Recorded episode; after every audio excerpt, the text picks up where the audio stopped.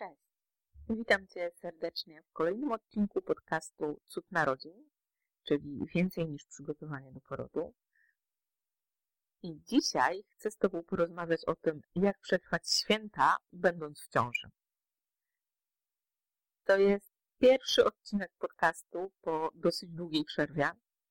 I wcześniej a w tych audycjach opowiadałam Wam o takich rzeczach bardzo psychologicznych, e, związanych stricte z porodem, z przygotowaniem do porodu.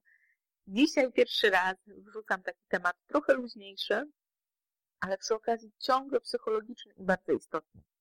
Mam nadzieję, że dzięki tej audycji przygotujesz się do świąt i te święta będą dla Ciebie naprawdę spokojne, piękne i bogate takie wewnętrzne, przyjemne doświadczenia. Ja nazywam się Karolina Piotrowska, jestem psychologiem, seksuologiem. Jestem też dulą i autorką programów z serii Cud Narodzin. Jeśli słuchasz mnie teraz, to zakładam, że jesteś w ciąży, a wszyscy wiemy, że święta, święta bożonarodzeniowe niebawem święta przedstawiane w telewizji, w reklamach są cudowne i wspaniałe.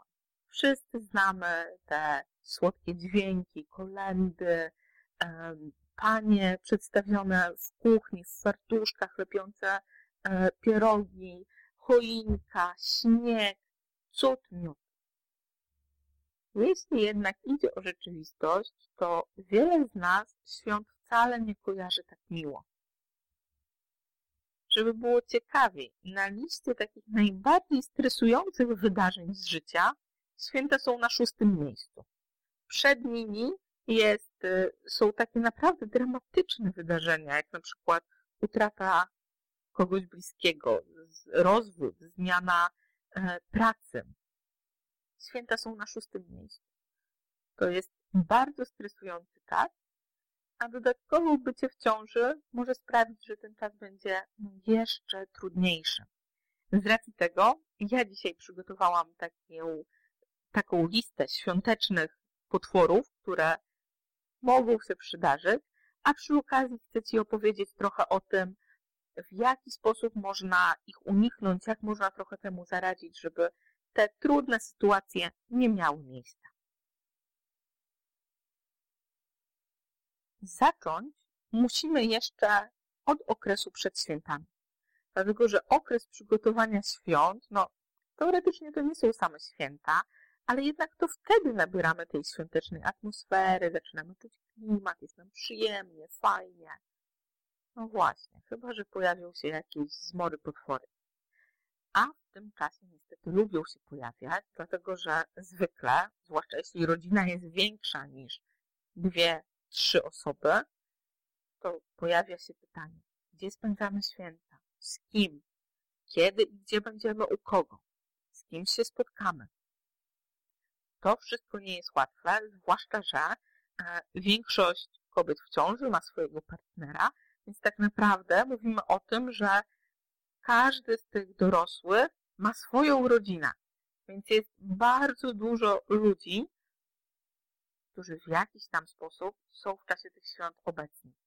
Chcemy pojechać może do jednej, do drugiej mamy, może spotkać się z babcią, może udać się na cmentarz.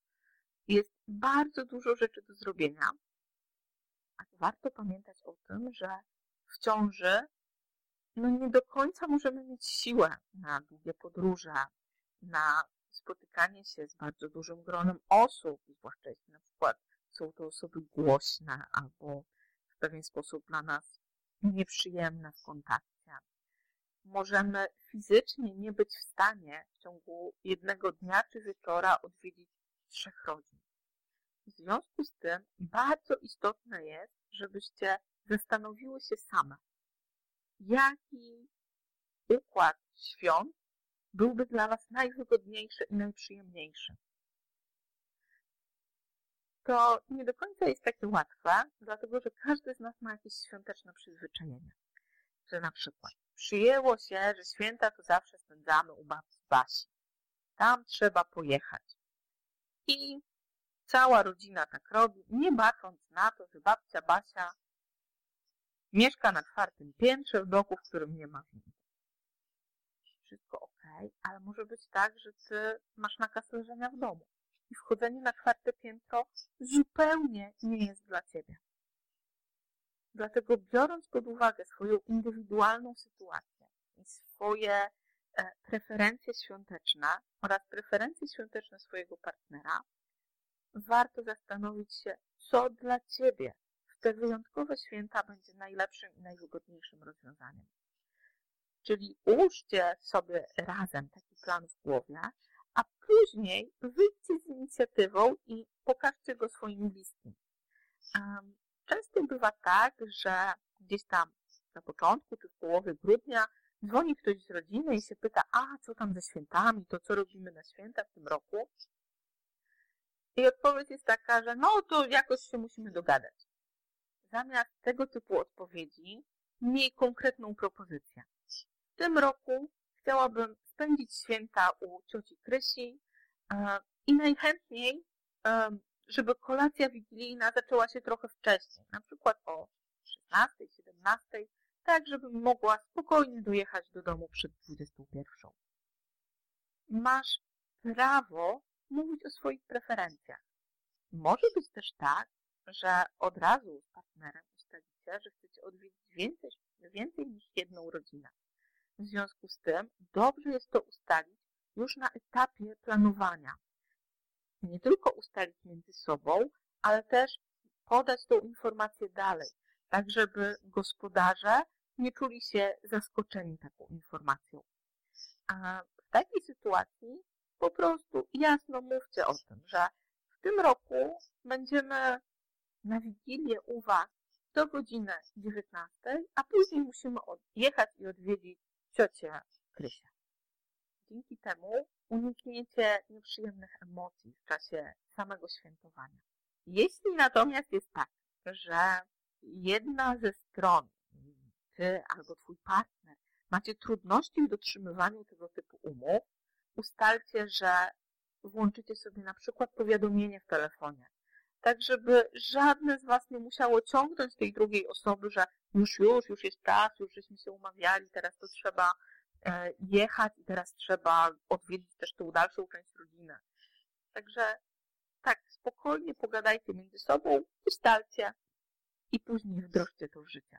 Ten punkt jest bardzo istotny i tak naprawdę pozwala uniknąć bardzo wielu konfliktowych sytuacji w czasie świąt. Te święta są wyjątkowe z tego, że jesteś w ciąży i przez to w ogóle optyka na święta się trochę zmienia, dlatego jakby ze względu na swoje możliwości fizyczne masz prawo dyktować pewne warunki. Jest w tym wszystkim jeszcze jeden aspekt, to znaczy może być tak, że święta akurat będziesz organizowała ty.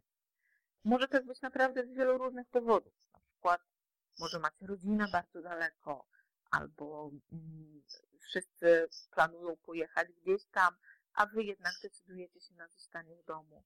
A może jest tak, że inni członkowie rodziny są chorzy i niedysponowani i też nie mają jak przygotować tej wigilii.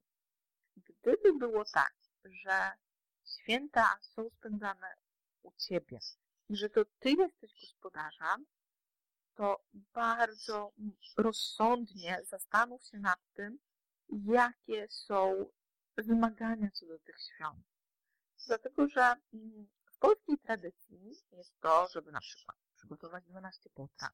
Czyli zwykle te stoły uginają się pod ciężarem jedzenia, które później i tak jest często nieprzejadane. Więc jeśli na Ciebie spada ciężar przygotowania świąt, możesz od razu zaznaczyć, że w tym roku te święta będą skromniejsze. Pewnie spotkamy się, zjemy, będzie nam bardzo miło, jak przyjdziecie, ale tam nie będzie tych 12 dań. Będą 3 czy 4 dania do wyboru. Będą kolendy, będą światełka, pooglądamy razem Kevina samego w domu. Będzie super. Albo możesz zasugerować. Okej, okay, to skoro przychodzicie do nas, to może wy przygotujcie jedno danie, albo kupcie jakieś jedno danie i przyjdźcie razem z nim. Chodzi o to, że ogrom przygotowań do świąt to jest po prostu ciężka fizyczna praca. I jeśli czujesz się w ciąży dobrze i wszystko jakby z tobą i z maluszkiem jest w porządku, to świetnie. Ale może być też tak, że z dnia na dzień ta sytuacja się zmieni i niestety nie będziesz w stanie przygotować świąt.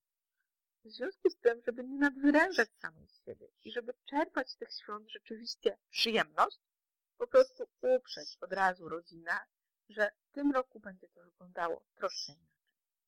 Etap planowania nie jest łatwy, bo wymaga dobrych zdolności komunikacyjnych, a po drugie wdrażania tego, co zostało zaplanowane. Jest to trochę taka praca zespołowa i jest to super przygotowanie do tego, co Was czeka później, kiedy maluszek już będzie na świecie. Także głowa do góry, napisz albo pomyśl, jak chciałabyś, żeby te święta wyglądały, a później obgadaj to ze swoim partnerem i wdróżcie ten plan. Kolejną świąteczną zmorą jest jedzenie. Już nawet nie chodzi o to, że jest jego tak dużo, a ty, będąc w ciąży, możesz mieć już taki malutki żołądek, że nie będziesz w stanie pomieścić takiej ilości, ale o to, że często obowiązkiem jest spróbowanie wszystkiego.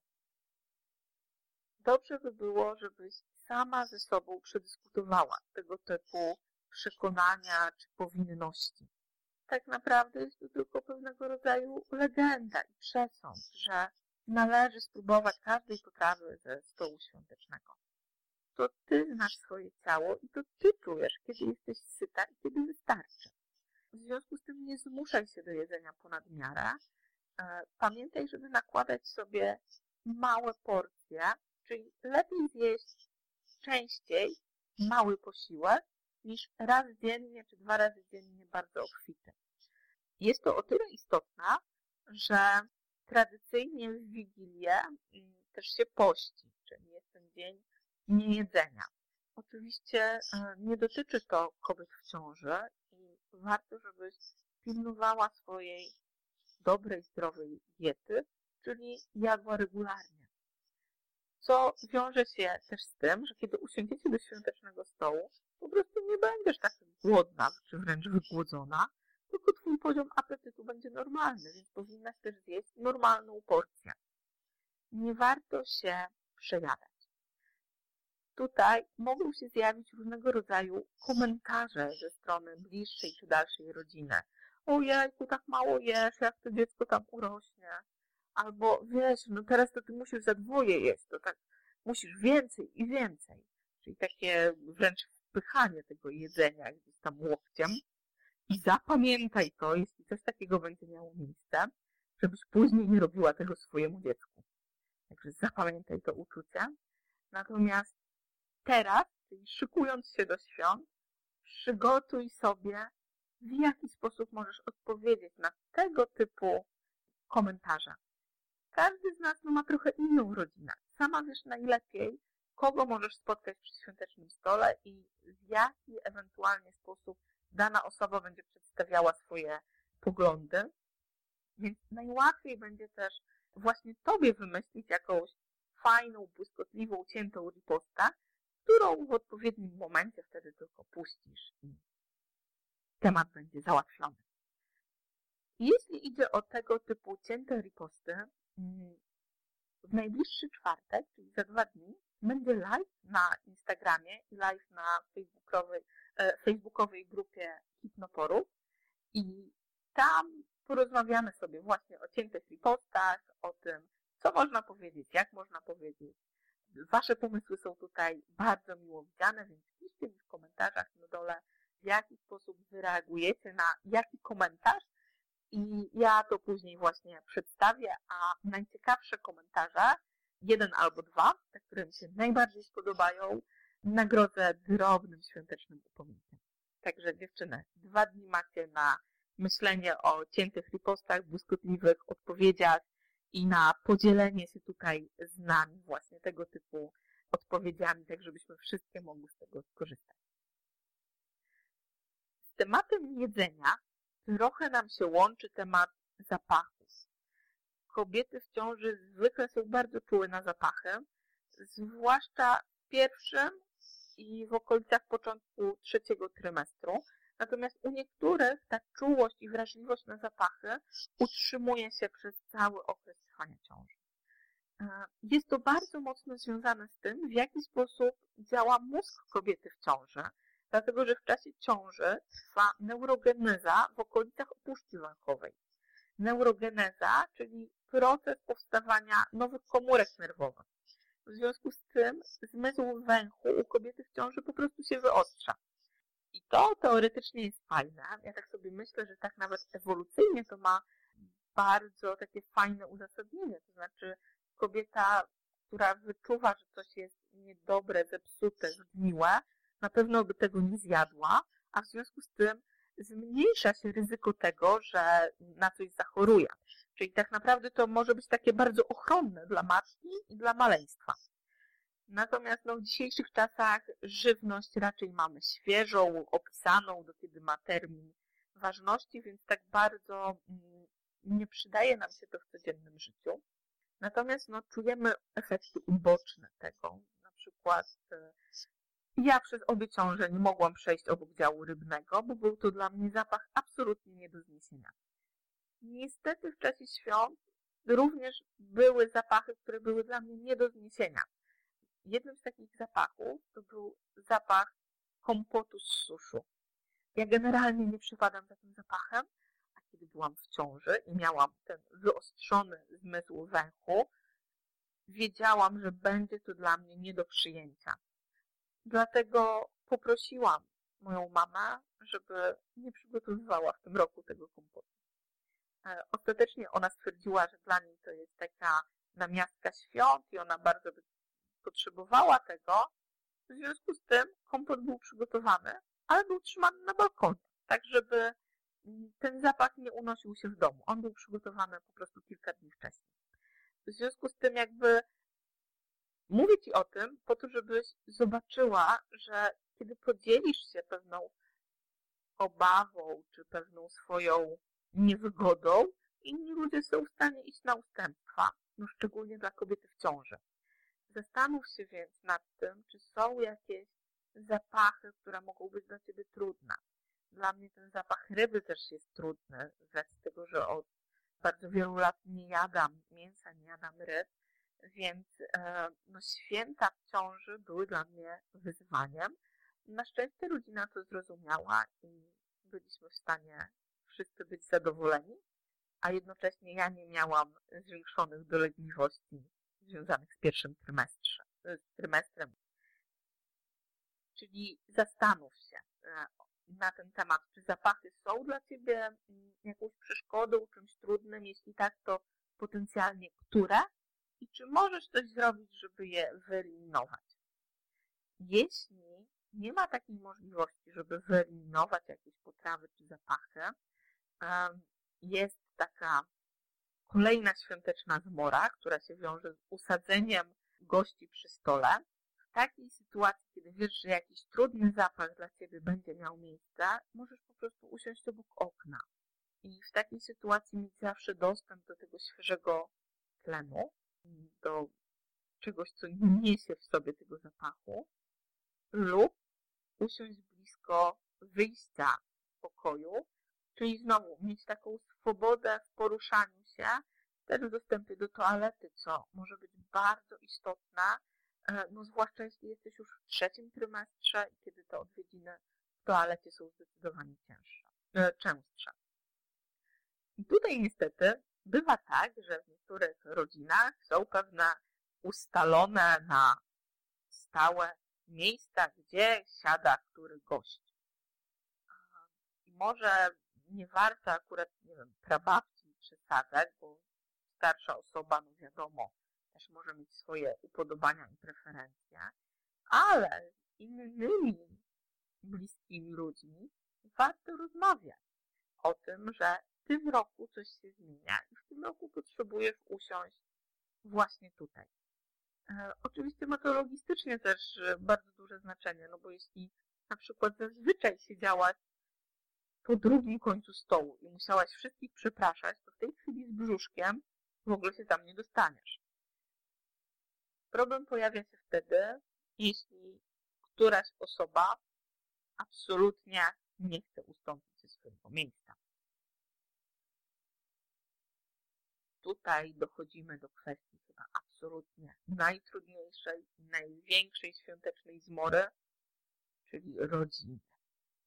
Wiadomo, że rodzina jest cudowna w świętach chodzi właśnie o rodzinę i właśnie o to, żeby się spotkać z tymi bliskimi i ważnymi dla nas ludźmi, których nie widzimy tak na co dzień, a z drugiej strony kontakt z nimi wcale nie bywa łatwy. Każdy z nich ma swoje oczekiwania, swoje problemy, swój sposób myślenia, komunikowania się, przekazywania tego, co czuje i to wcale może nie być sposób wyważony czy racjonalny. W związku z tym, jeśli idzie o rodzinę, mogą się zdarzyć różne nieprzewidziane sytuacje.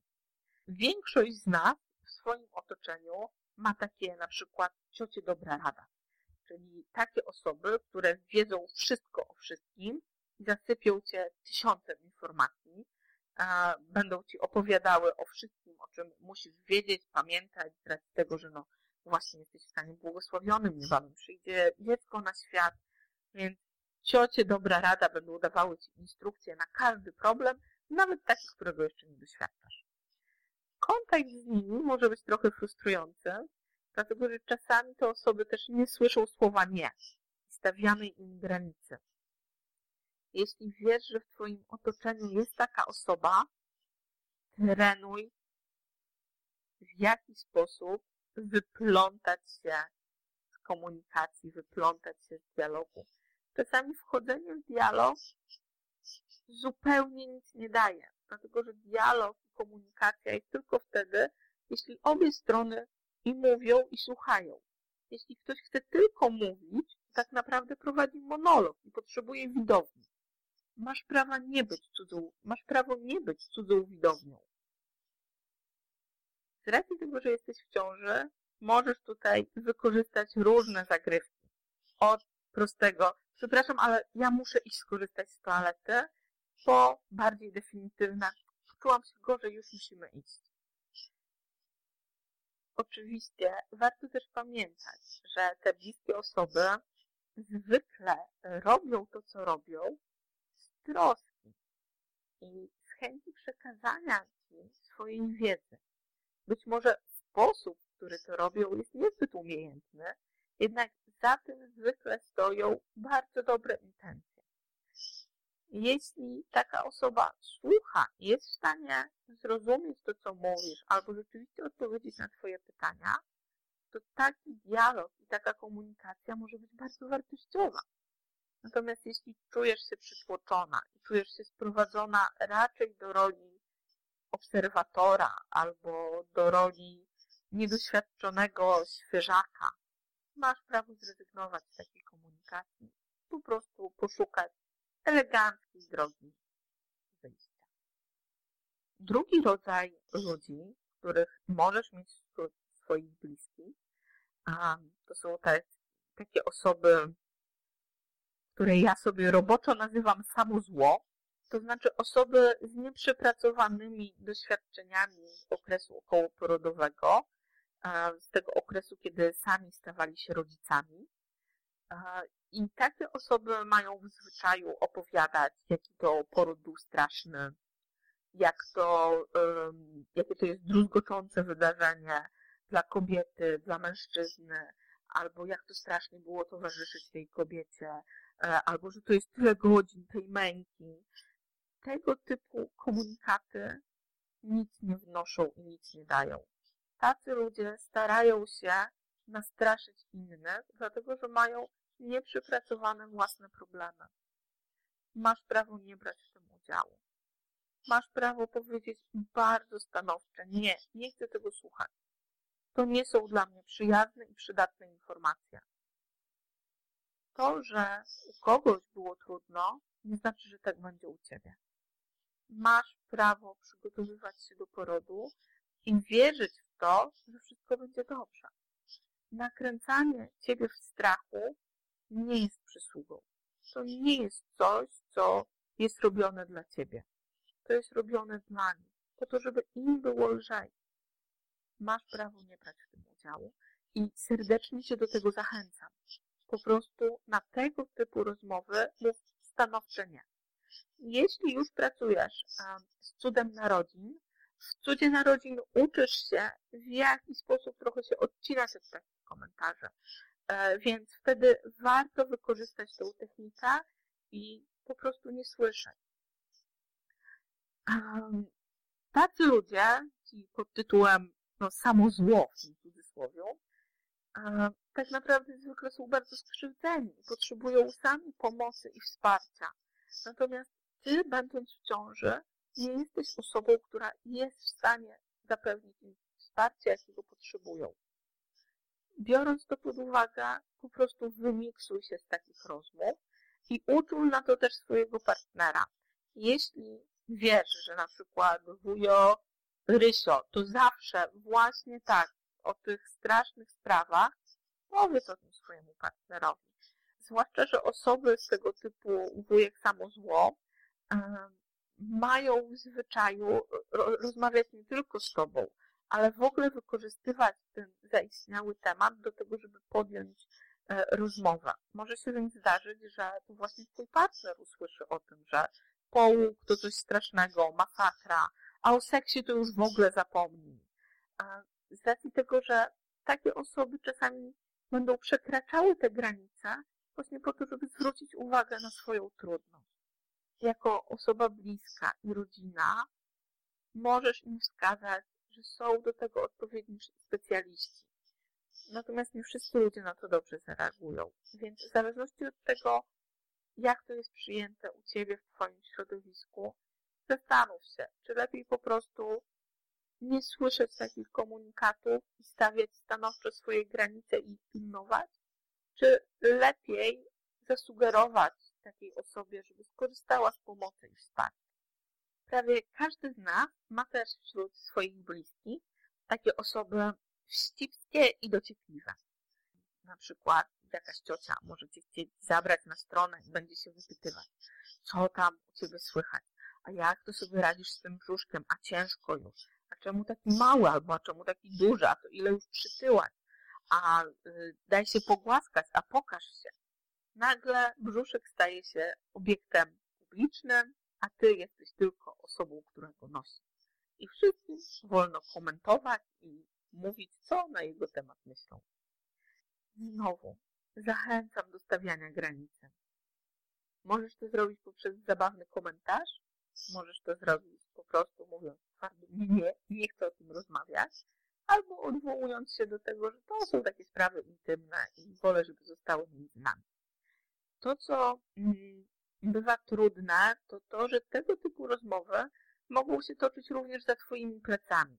Czyli możesz gdzieś tam spotkać, jak e, dwie, nie wiem, siostrzenice komentują wygląd Twojego brzuszka. Co wtedy zrobić? Warto się zastanowić, warto przeanalizować wszystkie potencjalne, takie trudne momenty. Zapewne wiesz, gdzie one mogą wystąpić. I zastanowić się, jak Ty się wtedy możesz zachować i co możesz zrobić.